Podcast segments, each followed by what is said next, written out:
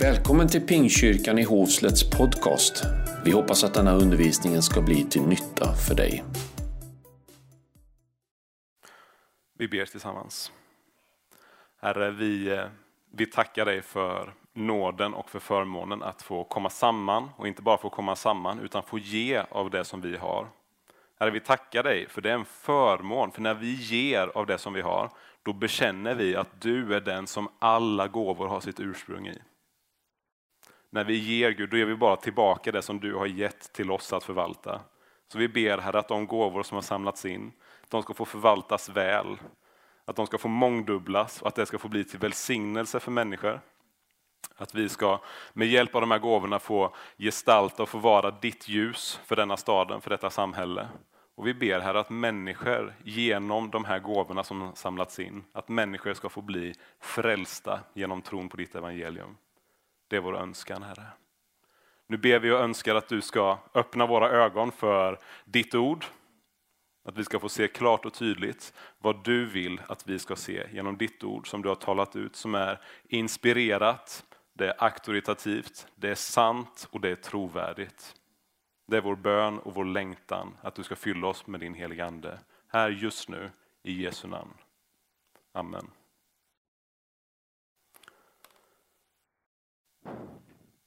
Så roligt tycker jag att få komma hit till er, att få ha förmånen att få predika Guds ord för er här nu idag. Marcus Frid heter jag som sagt. Jag eh, bor i eh, förorten till Hovslätt, Jönköping. Och eh, jag är född och uppvuxen där. Jag har bott där i princip hela mitt liv. Så det är alltid spännande när man liksom kommer till, när man börjar närma sig, när man börjar närma sig så man nästan är utanför 50-skyltarna. Det är alltid ett äventyr. Så. Det är riktigt roligt. Jag, eh, som ni hörde innan så läser jag en master i bibelvetenskap teologi kan man säga och det gör jag på ALT här inne i Jönköping. Jag är gift med min fru, tro det eller ej. Hon heter Julia. Och eh, till vardags i övrigt, förutom att studera, så jobbar jag också som bibellärare på ett par bibelskolor. Vi är ju, vi är ju på gång mitt uppe i en serie då vi håller på att vandra igenom Romarbrevet. Och eh, det har fallit på min lott att stanna upp i Romarbrevet kapitel 7. Ni, ni, kommer ju känna det, ni har ju redan känt det och ni kommer känna det framöver också. Vissa kapitel, då stannar man upp och känner bara wow, det här är en riktig godisbit som man bara vill konsumera och ta till sig så mycket som bara möjligt är. Kapitel 8 är ett sånt kapitel. Men ni vet, mina föräldrar de sa alltid så här, men innan du ska äta godiset, då måste du också äta broccolin och blomkålen för att du ska få ta dig an efterrätten. Det som man kan tycka kanske inte smakar jätteaptitligt först när man tar till sig det. Ett sådant kapitel kanske är kapitel 7. Så du, ibland kommer du känna att du sitter och håller andan genom detta kapitlet i den predikan som vi har framför oss nu idag. Men jag vill bara uppmuntra dig att påminna dig om att för att komma vidare in i kapitel 8 och det som ligger framför så behöver vi först vandra igenom och ta till oss det nyttiga och uppbyggliga som finns här i kapitel 7.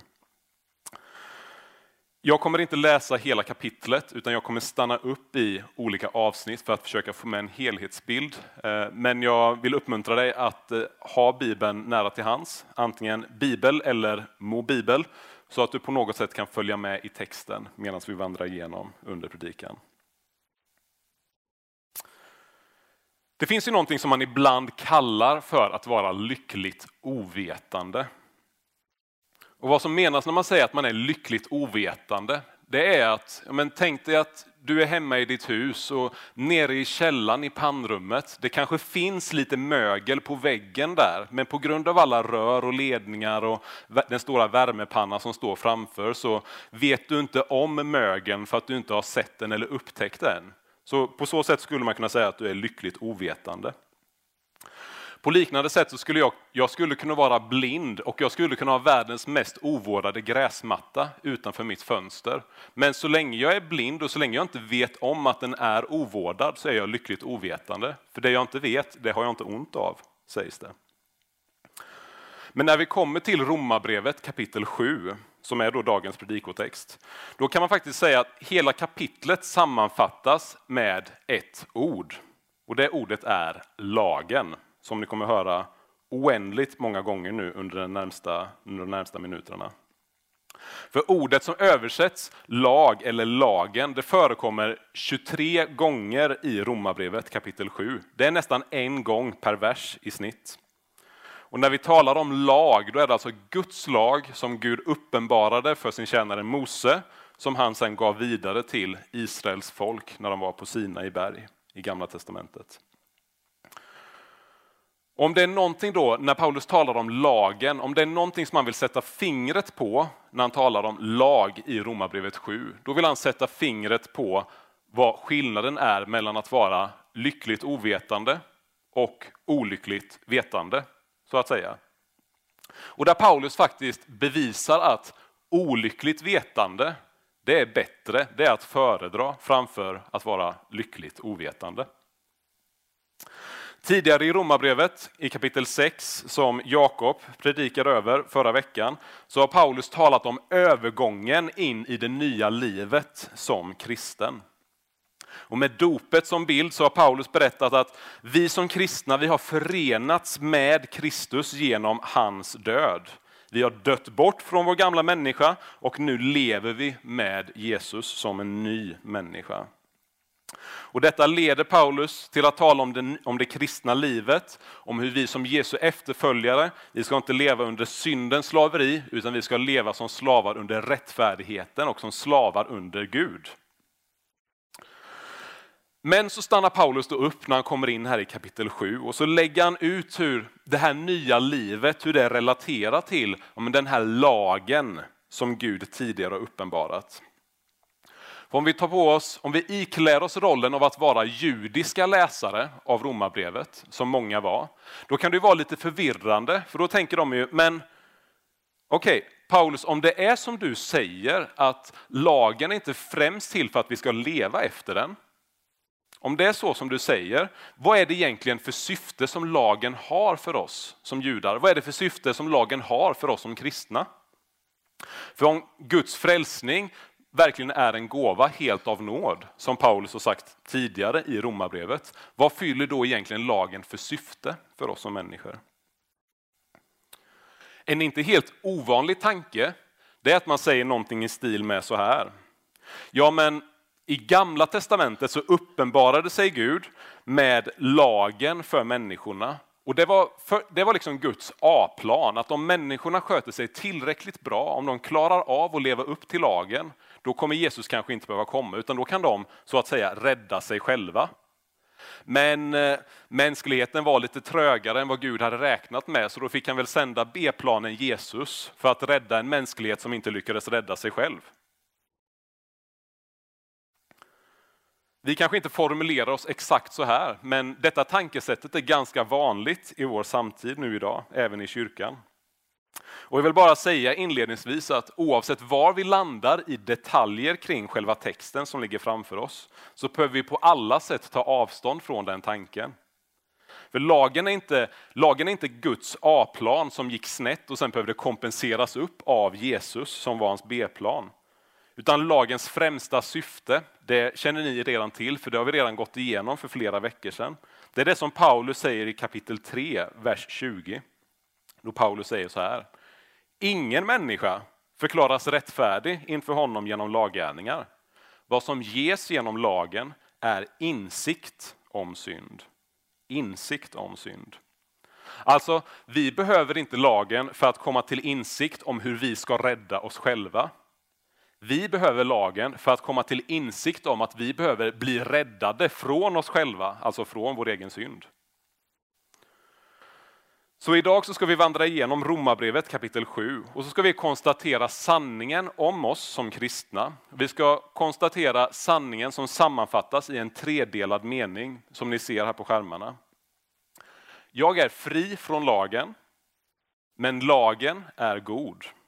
För lagen har gett mig en desperation för att bli räddad. Jag är fri från lagen, men lagen är god, för lagen har gett mig en desperation för att bli räddad. Så vi börjar med den första delen och då stannar vi upp vid de första sex verserna. Vi kan gå vidare till nästa slide. Så jag är fri från lagen och då stannar vi upp i de första sex verserna i kapitel 7. Paulus utvecklar här i kapitel 7 det som han redan har börjat säga tidigare i kapitel 6. I kapitel 6, vers 13 så sa han, ni som var döda men nu lever, ställ era kroppar i Guds tjänst som redskap för rättfärdigheten. Synden ska inte vara herre över er, för ni står inte under lagen utan under nåden.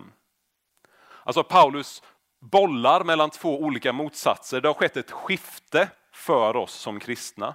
Vi kan inte stå under två herrar samtidigt, utan vi kan bara tjäna en åt gången. Så från att ha tillhört synden så tillhör vi nu Gud, vi tillhör rättfärdigheten istället.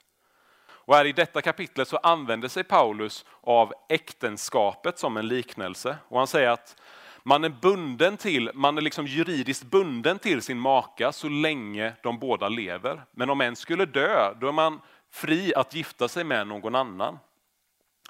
Och vi som kristna vi liknas faktiskt med både den som dör och den som lever vidare. För vi liknas, vi liknas med mannen som dör bort från kvinnan för att visa att vi har dött bort från lagen, vi har dött bort från synden. Men vi liknas också med kvinnan som fortsätter leva från, frigjord från det första äktenskapet för att leva vidare med Jesus. Så Paulus gör en dubbel poäng kan man säga. Men lägg märke till sen att i vers 5 så säger Paulus inte, så han säger inte att vi som människor, när vi var fast under synden, egentligen så hade vi viljan att kunna göra det goda. Vi hade viljan att kunna dra oss bort från synden, men tyvärr så råkade vi vara liksom fastkedjade mot den. Vi var motvilligt bundna till den. Nej, utan Paulus säger så här i vers 5. Så länge vi levde i köttet var de syndiga begären som väcktes genom lagen verksamma i våra kroppar så att vi bar frukt åt döden. Så alltså, det var inte att vi var motvilligt fast i det, utan våra egna begär, vår egen vilja var det som höll oss kvar i relation till lagen. Men sen kommer ju det, Paulus, även när vi är inne i ett sånt här jobbigt och komplext kapitel som kapitel 7, så kan Paulus inte hålla sig. Vi ser i vers 6 så säger Paulus, men nu. Ett favorituttryck som han använder, där han har lagt ut de dåliga nyheterna, så vill Paulus bara introducera och ge en liten, liten försmak på det glada budskapet i en kortfattad version. Han vill liksom mitt i det här blomkålsätandet, det som är nyttigt för oss men som vi kanske inte alltid gillar, så slänger Paulus in en liten, liten godbit så att man ska fortsätta orka igenom hela vägen ut. Och då säger han så här i vers 6. Men nu är vi lösta från lagen eftersom vi har dött bort från det som höll oss fångna.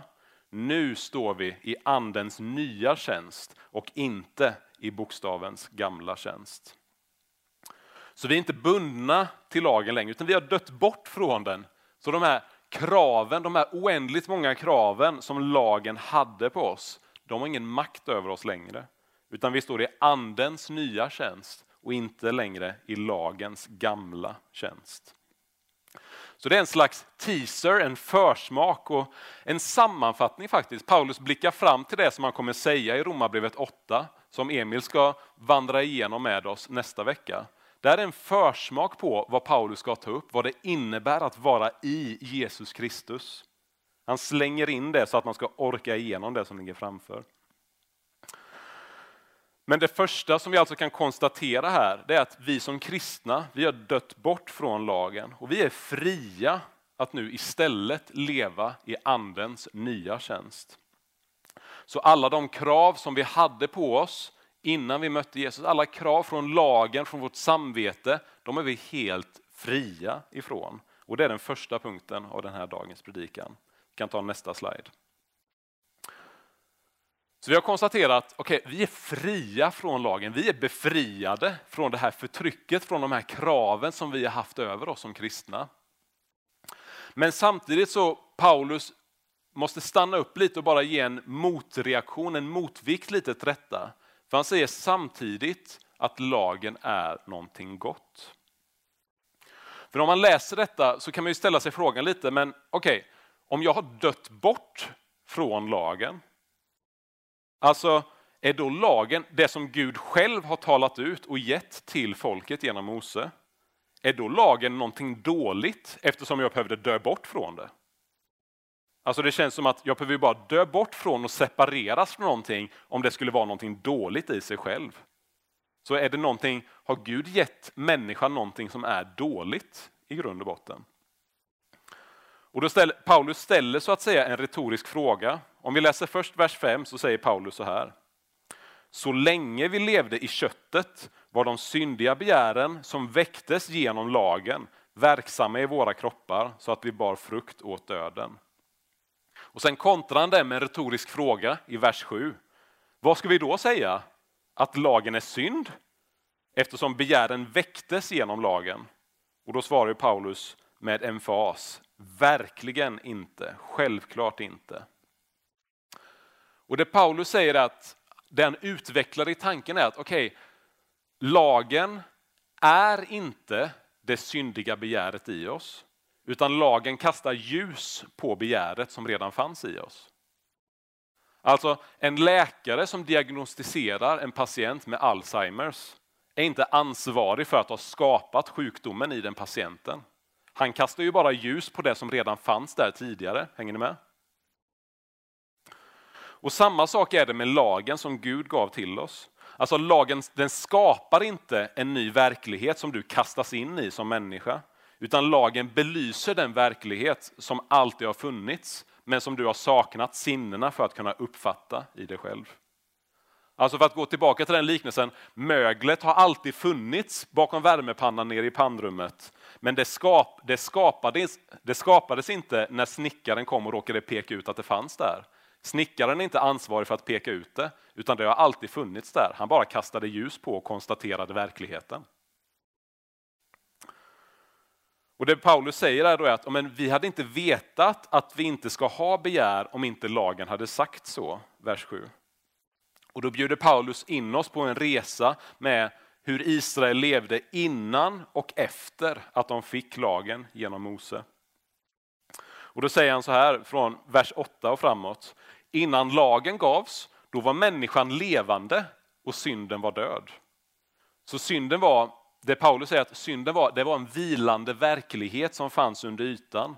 Men i vårt oupplysta tillstånd så såg vi det inte fullt ut. Så att säga, vi var lyckligt ovetande för vår egen synd.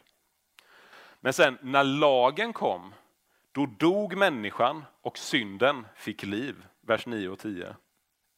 Så lagen som är något gott, den triggade igång det som var ont i oss som människor. Så lagen kom och lyste upp som en stark strålkastare över våra hjärtan och konstaterade vad som redan har funnits där hela tiden. Och så blottade det den synd som vi hade i våra hjärtan som kom ut i ljuset. Som andra ord skulle man bara kunna konstatera så här att vi blir inte syndare när vi hör lagen. Vi blir inte syndare, men vi avslöjas som syndare när vi hör Guds lag. Så vi går från att bli lyckligt ovetande till att bli olyckligt vetande. Och synden den blev inte bara synlig genom lagen utan som sagt den triggades igång genom lagen på grund av lagen. Och Det är intressant när vi, ser, när vi läser i Gamla Testamentet i hur Gud uppenbarar sig för och möter sitt folk. Då är det intressant att se det är först, först säger Gud till folket, ni ska inte göra er några avgudabilder. Vad händer bara några kapitel senare i samma bok, i Andra Mosebok? Gud säger, ni ska inte göra några avgudabilder. Folket går och gjuter en guldkalv. Precis det som de inte skulle göra är exakt det som de gör. Du kanske tycker det är lite abstrakt. Då kan jag ta en stund av bekännelse som jag tror många kan känna igen sig i. Hur många har någon gång gått förbi en jättefint klippt gräsmatta där det har stått en skylt som det står ”Gå inte på gräset”. Vad är då det absolut första man någonsin vill göra och aldrig har velat göra så mycket i hela sitt liv? Gå på gräset. Varför är det så? Jo, för när vi människor möts med en regel, en regel som är god, då är vi per automatik, per definition upproriska i vårt beteende. Så vi människor, vi är förslavade i vår egen synd. Vi såg tillfället att begå uppror och så föll vi bort ännu mer från det som Gud har kallat oss till. Så det som skulle föra oss till liv, säger Paulus, det gav istället död. Så Guds lag den är helig och ren och ger liv till den som följer. Men alla människor har syndat mot Gud och hans lag och därför har alla människor dött på grund av detta. Men då kommer Paulus här som den utmärkta läraren som han är med ännu en retorisk fråga till sin publik. Men okej, okay, om lagen inte är synd utan om lagen är någonting som är gott, som det står i vers 7. Är det då detta goda som har orsakat min egen död? Vers 13. Och Paulus säger återigen, verkligen inte. För synden, den fanns redan innan lagen. Och det står i kapitel 2, som ni gick igenom för några veckor sedan, så står det att även hedningar, alltså även icke-judar, som inte har fått lagen uppenbarad för sig, har lagen skriven på deras hjärtan. Nej, alltså synden den orsakade min död genom det som är gott. Och detta är för att synden ska avslöjas som synnerligen syndig. Vers 13. Eller som vi har konstaterat att Paulus redan har sagt, lagen ger insikt om våran synd. Så lagen är alltså god. Lagen är god. Vi är fria från den. Vi är fria från dess krav. Vi är fria från dess tvång på oss. Men lagen är fortfarande något gott. För den är utandad av Gud. Det är något som Gud har gett.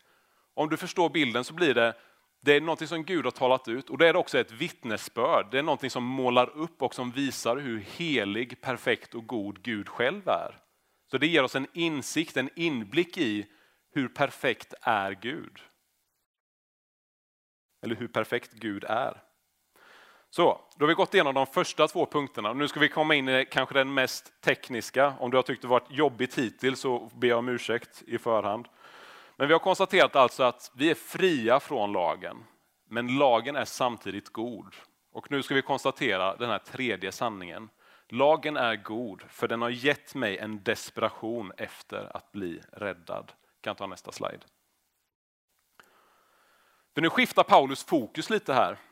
Från att tidigare ha pratat om Israels läge, alltså han pratar om hur var det för Guds folk innan och efter de fick lagen till sig som människor. Och man, man, kan lägga märke till det och se detta i vers 7 till och med vers 13. Då talar Paulus i dåtid. Alltså han säger hur lagen uppenbarades. Men nu i vers 14 och framåt, då talar Paulus i nutid istället. Så han ändrar fokus här i vad han säger, i vad han förmedlar. Och vi behöver bara stanna upp här och konstatera att med ödmjukhet inse att den här texten som vi har framför oss nu, vers 14 till 25, det är en av Bibelns mest svårtolkade texter. Och det finns i princip lika många bibelforskare på varje sida om de här olika, olika tolkningsalternativen. Vissa menar att det här är, just eftersom Paulus nu talar i nutidsform, han talar i presens till skillnad från att tala i dåtid, så menar man att ja, men det är Paulus som berättar om sin upplevelse, om spänningen som han upplever i sig själv när han själv är kristen. Alltså spänningen mellan att vilja göra det goda men att synden tynger, in, tynger ner honom så att han inte vet hur han ska förhålla sig, så att han inte vet vad han ska göra. Och Den andra stora tolkningen är att Paulus istället talar utifrån sitt perspektiv som icke-kristen jude. Alltså han återberättar självbiografiskt vad det var han upplevde innan han fick möta Jesus. Och den senare tolkningen av de här två, alltså att Paulus talar om sin erfarenhet som icke-kristen, det är den tolkningen som jag anser är mest trolig av denna texten. Och Det starkaste skälet till detta är helt enkelt att jag, jag tycker det är slående att anden nämns inte en enda gång i denna texten. För först i kapitel 8 och vers 1, när Paulus talar om den som är i Kristus Jesus, så börjar han tala om livets andes lag som har gjort honom fri från syndens lag. Och anden återkommer gång på gång på gång genom hela kapitel 8. Men här i kapitel 7 där vi befinner oss så lyser anden med sin totala frånvaro i denna texten. Men detta är ju en sån sak som vi gärna kan diskutera mer på tisdag för er som kommer då, så jag lämnar det som en cliffhanger tills dess. Så Paulus konstaterar att lagen här, den är någonting som är andligt. Alltså det är någonting som Gud har gett till sitt folk och det är någonting som är gott. Men samtidigt så talar Paulus om att ja, men jag som människa, jag är kötslig. Så som sagt, jag tror att han ser tillbaka på sitt liv innan han hade mött Jesus som sin frälsare. Och så återberättar han sitt livs story i nutidsperspektiv.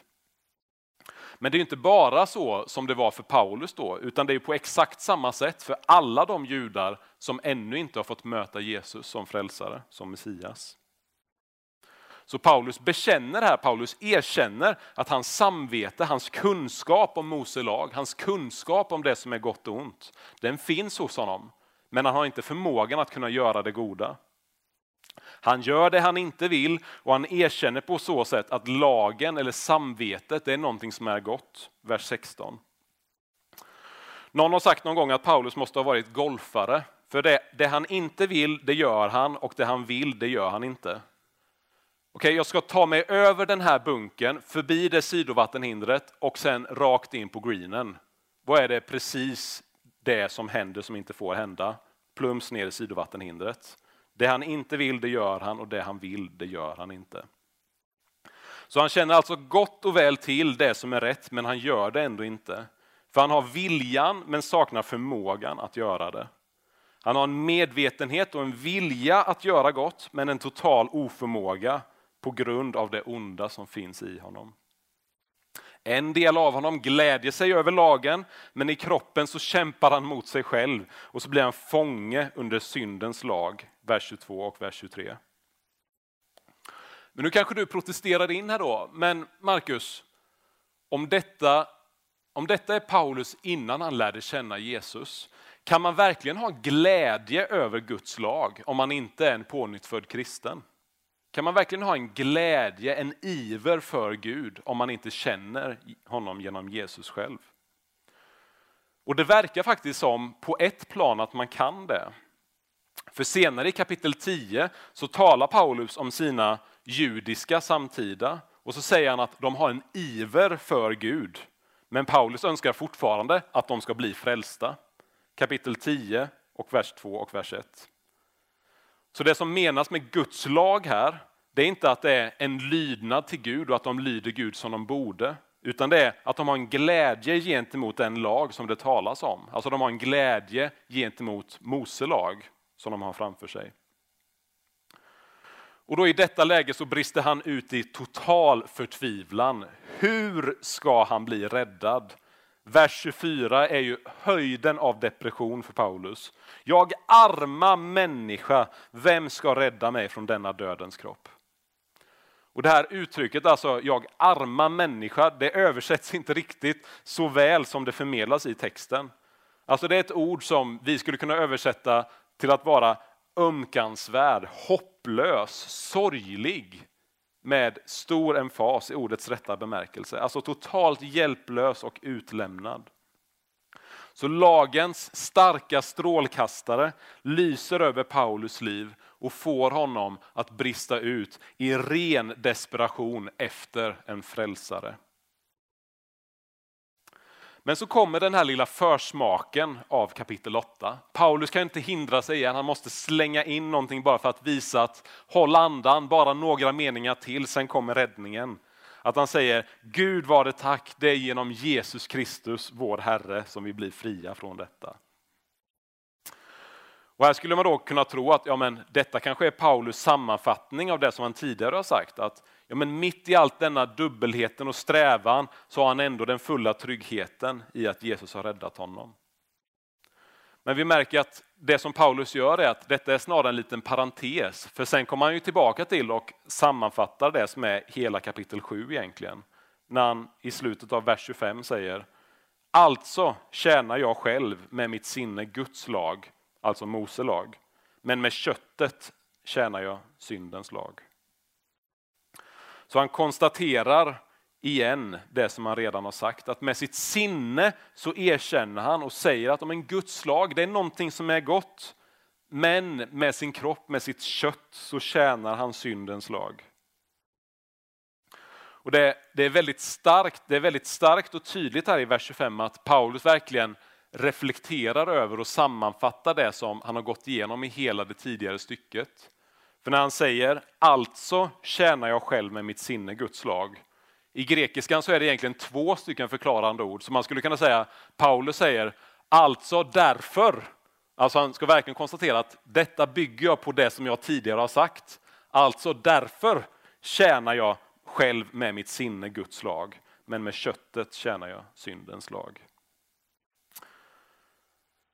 Så det Paulus finner sig i här i slutet av detta kapitel är just detta att men lagen har gett mig en desperation för att bli räddad från det som jag står i. Jag är desperat efter räddning. Så den här tredelade sanningen har vi nu kommit till slutet av att jag är fri från lagen som kristen. Men lagen är samtidigt någonting som är gott. För lagen har gett mig en desperation, en längtan efter att bli räddad från det som jag står i. Och du kanske suckar utmattat och känner att detta var ju världens torraste och mest deprimerande predikan någonsin. Må han aldrig återbesöka oss i Jesu namn. Varför stannar då Paulus upp vid att poängtera så mycket hur synnerligen syndig den synd är som vi mänskliga syndare bär på? Varför göra det så utförligt och tydligt? Varför inte bara snabbspola in i kapitel 8? Varför inte bara tippexa över Marcus Fid och bjuda in Emil direkt istället? Och då ska jag ge dig en utmaning, min vän. Försök att motivera någon att ta en medicin utan att först konstatera behovet av den medicinen. Försök att motivera någon att ta en medicin utan att först konstatera behovet av medicinen. Charles Spurgeon, en predikant som levde på 1800-talet i London, han har sagt ungefär så här. Gud klär aldrig på människorna med sin nåd förrän han först har avklätt dem av deras egen stolthet. När du träffar människor där du inte ser något tecken på överbevisning om synd, då kan du vara alldeles övertygad om att den heliga ande inte har påverkat dem. Slutcitat. Alltså, utan en klar och tydlig diagnos av det som är vårt djupa, allvarliga behov av räddning, så kan vi aldrig motiveras till att lita på och förtrösta på en frälsare. Utan en klar och tydlig diagnos om det som är vårt djupa allvarliga behov av räddning kan vi aldrig motiveras till att lita på och förtrösta på en frälsare. Eller som Spurgeon sa, om vi inte själva har blivit avklädda så kan vi inte heller sen bli påklädda. Vi behöver gå från att vara lyckligt ovetande till att bli olyckligt vetande för att sen kunna bli lyckligt vetande. Hur lätt är det inte för oss ibland att vi vill snabbspola i mötet med okristna människor så säger vi min vän Jesus älskar dig, han förlåter dig. Okej, okay, men vad förlåter han mig för då? Varför behöver jag hans förlåtelse? Det pratar vi inte om, men kom ändå. Alltså, vi måste först konstatera diagnosen innan vi sedan bjuder in och presenterar nåden för människor. Det är omöjligt att tala om Guds nåd utan att först tala om människans synd. Men det är dåraktigt att tala om människans synd utan att sedan tala om Guds nåd. Om vi inte först såras av Guds helighet, hans lag, den perfektionen och godheten som han har. Om vi inte då avslöjas som syndare först, så kommer vi aldrig heller kunna helas av hans nåd. Samma lag som uppenbarades för Israel på Sinai berg genom Mose, den är tänkt att ödmjuka oss till våra bara knän för att inse hur god och rätt och helig lagen är eftersom Gud är god, rättfärdig, helig och rätt. Så om vi med största tydlighet, om vi med största kärlek konstaterar för människor det som är synd i deras hjärtan, då ställer vi dem helt enkelt bara framför strålkastaren som är Guds lag. Alltså vi skapar inte en verklighet genom att säga att människor är syndare. Vi avslöjar det som redan alltid har varit där. Så Vi ställer dem framför strålkastaren av det som är Guds lag och då kommer Gud ge dem öppnade ögon så att de precis som Paulus kan brista ut. Jag arma människa, vem ska rädda mig från denna dödens kropp? Och då, först då, så kan vi brista ut med största säkerhet, med största frimodighet och säga Gud vare tack genom Jesus Kristus vår Herre. När diagnosen är satt, när vi har träffat stenbotten, när vi kommer till insikt om vår totala hjälplöshet, om vår hunger och om vår död utan en frälsare, då kan vi fästa blicken till han som inte visste av synd, som blev till ett med synd i mitt ställe, för att jag i honom skulle bli Guds rättfärdighet. Andra Korintierbrevet kapitel 5, vers 21. Han har dött för oss han dog för vår synd för att vi ska leva i honom. Så min vän, nu är broccoliportionen är i princip avslutad. Och då vill vi bara påminna oss igen om den här tredelade sanning som vi har gått igenom. Du kan komma fram till det. Och detta, denna tredelade sanning är att vi är fria från lagen. Det är en ljuv och underbar sanning. Vi står inte under kraven. Lagen har blivit fullkomnad, den har funnit sin fullkomnare i Jesus Kristus. Vi är fria från lagen, men vi ska inte tro att det är någonting ont. Vi ska inte tro att när vi läser upp, när vi talar om Guds lag för människor, då ska vi inte tro att det är någonting som är ont, någonting som skapar en ny verklighet i oss. Det belyser en verklighet som redan har funnits där. Och lagen är god för att den har gett oss en desperation. Den har väckt vår hunger efter en räddare i Jesus Kristus. Därför kan vi brista ut. Gud vare tack genom Jesus Kristus vår Herre. Han har dött för oss för att vi ska leva i honom. Herre, vi tackar dig för nåden av att få samlas kring ditt ord. Att få se ditt ord, att få läsa det, få inse att det är perfekt och att det smakar gott. Och även Herre, när det, när det vänder sig för oss lite ibland, när det skaver mot oss, så ber jag Herre att vi ska få ödmjukheten att få ta emot ditt ord som det är. Jag ber Herre att det som bara har kommit från mig, att det ska få falla i glömska i Jesu namn. Men jag ber Herre att det som har talat från dig, låt det få landa i god jordmån. Låt det få bli till välsignelse, till uppbyggelse för denna underbara församling. Låt oss få växa i kärlek, i glädje, i nitiskhet efter att få se ännu mer av Jesus Kristus i Hovslätt. Låt människor få bli förda till frälsning. Låt människor få bli upprättade, helade, få profetiska tilltal som får leda till tröst och som får visa att du Jesus Kristus har förbarmat dig över deras hjärtan. För du är kärlek, du är god och du förbarmar dig över dem som du har skapat. Mm. I Jesu namn. Amen. Du har nu lyssnat på Pingkyrkan i Hovslätts podcast. Vill du veta mer om vår kyrka så besök vår hemsida www.hovslattpingst.se